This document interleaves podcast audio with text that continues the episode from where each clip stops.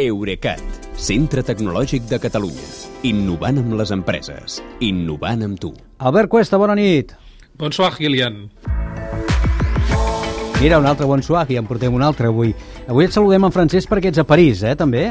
Assistint a un congrés de Huawei on has vist una intel·ligència artificial que combat la deforestació detectant una cosa que és important també de descobrir, la tala il·legal d'arbres. És una tala il·legal que és més freqüent del que ens pensem, perquè 9 de cada 10 arbres que es talen a les selves tropicals els tomba algú sense tenir permís per fer-ho. 9 de cada 10, eh? Sí, molts, molts. Sigui per fer lloc a construccions o per altres motius encara més foscos. Uh, I això uh, és un problema per tot el planeta, perquè la, des la deforestació és la segona causa del canvi climàtic, al mateix nivell gairebé que les emissions de tots els mitjans de transport sumats. Doncs resulta que la ONG Rainforest Connection s'ha proposat combatre aquestes tales il·legals amb un dispositiu connectat que de detecta sorolls sospitosos i avisa en temps real als vigilants forestals. És com una hèlix, publicarem la foto a la web, amb vuit pales, que són plaques solars, més un micròfon que pot captar sons fins a un quilòmetre i mig de distància, i tota una electrònica connectada que reconeix amb intel·ligència artificial els sons de serres mecàniques, d'altres tipus de maquinari i de vehicles que no haurien de sellar i fins i tot de trets. La mateixa entitat, aquesta, el Rainforest Connection, es dedica a vigilar la biodiversitat mitjançant els sons analitzant els 82 milions de minuts d'àudio que porten acumulats en 114 països, els algoritmes han identificat gairebé 3.000 espècies animals diferents, sobretot ocells, i detecten, per una banda, si n'apareixen de noves, o per l'altra, si les que hi ha, les que ja existeixen i es coneixen, s'estan traslladant de lloc o fins i tot han desaparegut. Interessant, molt interessant, però què té a veure això amb Huawei? Doncs té a veure que el sistema de Rainforest Connection fa servir les xarxes, l'amagatzematge, el núvol i els algoritmes de reconeixement de, de sons de Huawei, que és aquesta empresa xinesa que tots vàrem conèixer com a fabricants de telèfons mòbils, però que darrerament, amb l'assetjament del govern nord-americà, ja porta uns anys centrant-se en els serveis i les aplicacions per a empreses. I el que fa amb això és explotar una infraestructura de telecomunicacions i de centres de dades que ja té desplegada per tot el món i que depèn encara relativament poc de les sancions comercials dels Estats Units. Amb aquesta infraestructura presta serveis, per exemple, a bancs, entitats bancàries i a companyies d'energia.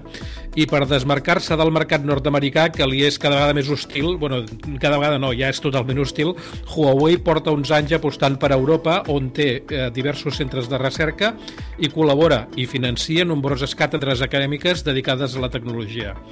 Eh, relacionat amb l'energia, això que dèiem, Huawei també s'està orientant molt cap a les renovables i és molt potent amb aquests aparells que es diuen inversors per instal·lacions fotovoltaiques, que es connecten a les plaques del tal de taulada.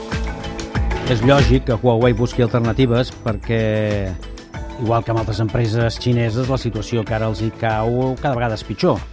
Sí, aviam, les telefòniques dels Estats Units, i ho hem comentat més d'un cop, ja fa temps que tenen vetat instal·lar equipaments de xarxa de Huawei i de la seva rival ZTE semblava que això era una dèria del Donald Trump, però el Joe Biden sembla que s'ha proposat escanyar encara més tota la indústria tecnològica xinesa. De fet, la setmana passada es van aprovar els controls a l'exportació a la Xina més estrictes que es recorden en dècades.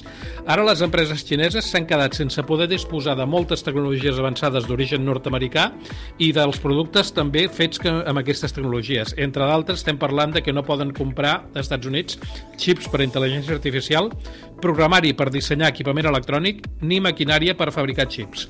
I això afecta fins i tot de rebot la pròpia indústria nord-americana. Intel eh, que és el campió americà dels xips, va facturar l'any passat més de 20.000 milions d'euros a la Xina, que ara no podria vendre.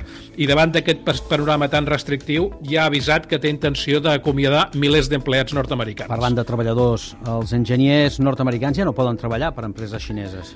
No, a partir d'ara han de triar entre deixar de fer-ho o bé renunciar a la ciutadania dels Estats Units. I, és clar, gairebé tots estan plegant. I amb això estan paralitzant d'un dia per l'altre tota la indústria xinesa empresa. Bé, nosaltres sí que no pararem. Demà continuarem. Gràcies i bona nit, Albert. Bona nit, Kilian. Fins demà. Eurecat, centre tecnològic de Catalunya. Innovant amb les empreses. Innovant amb tu.